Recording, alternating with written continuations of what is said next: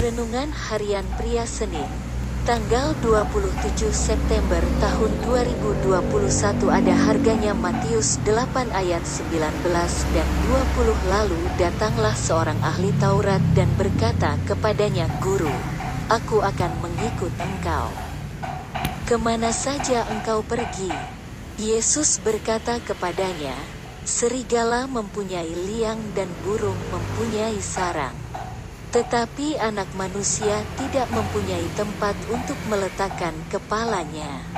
Di dalam perjalanan Yesus selanjutnya, datanglah seorang ahli Taurat kepadanya.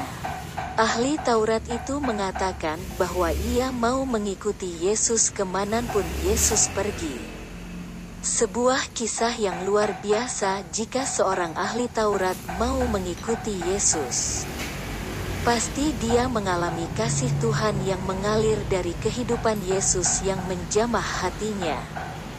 Mungkin saja ia juga ikut mendengarkan ketika Yesus mengajar murid-muridnya melalui khotbah di bukit. Pengaruh kehidupan dan kepribadian Yesus telah mengubah hatinya.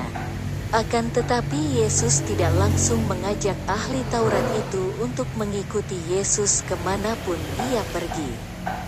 Yesus mengatakan sebuah perumpamaan tentang serigala dan burung yang mempunyai tempat tinggal, sedangkan Yesus, Anak Manusia, tidak mempunyai tempat untuk meletakkan kepalanya.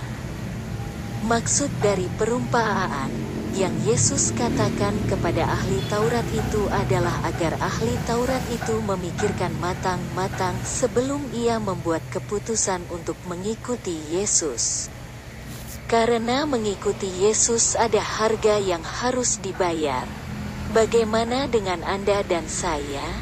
Apakah kita juga sudah memikirkan matang-matang untuk menjadi orang yang percaya kepada Yesus? Apa harga yang harus kita bayar dalam mengikuti Yesus? Tentunya ada banyak harga yang harus kita bayar. Salah satunya adalah kita harus meninggalkan kebiasaan-kebiasaan hidup kita yang tidak memuliakan nama Tuhan.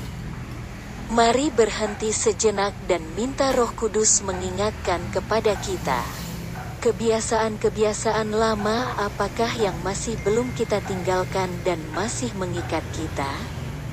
Bertobatlah dan serahkanlah kebiasaan-kebiasaan lama itu kepada Tuhan. Hiduplah dalam kebiasaan-kebiasaan baru sebagai anak-anaknya yang memuliakan nama Tuhan. Refleksi diri, apa yang firman Tuhan katakan kepada Anda?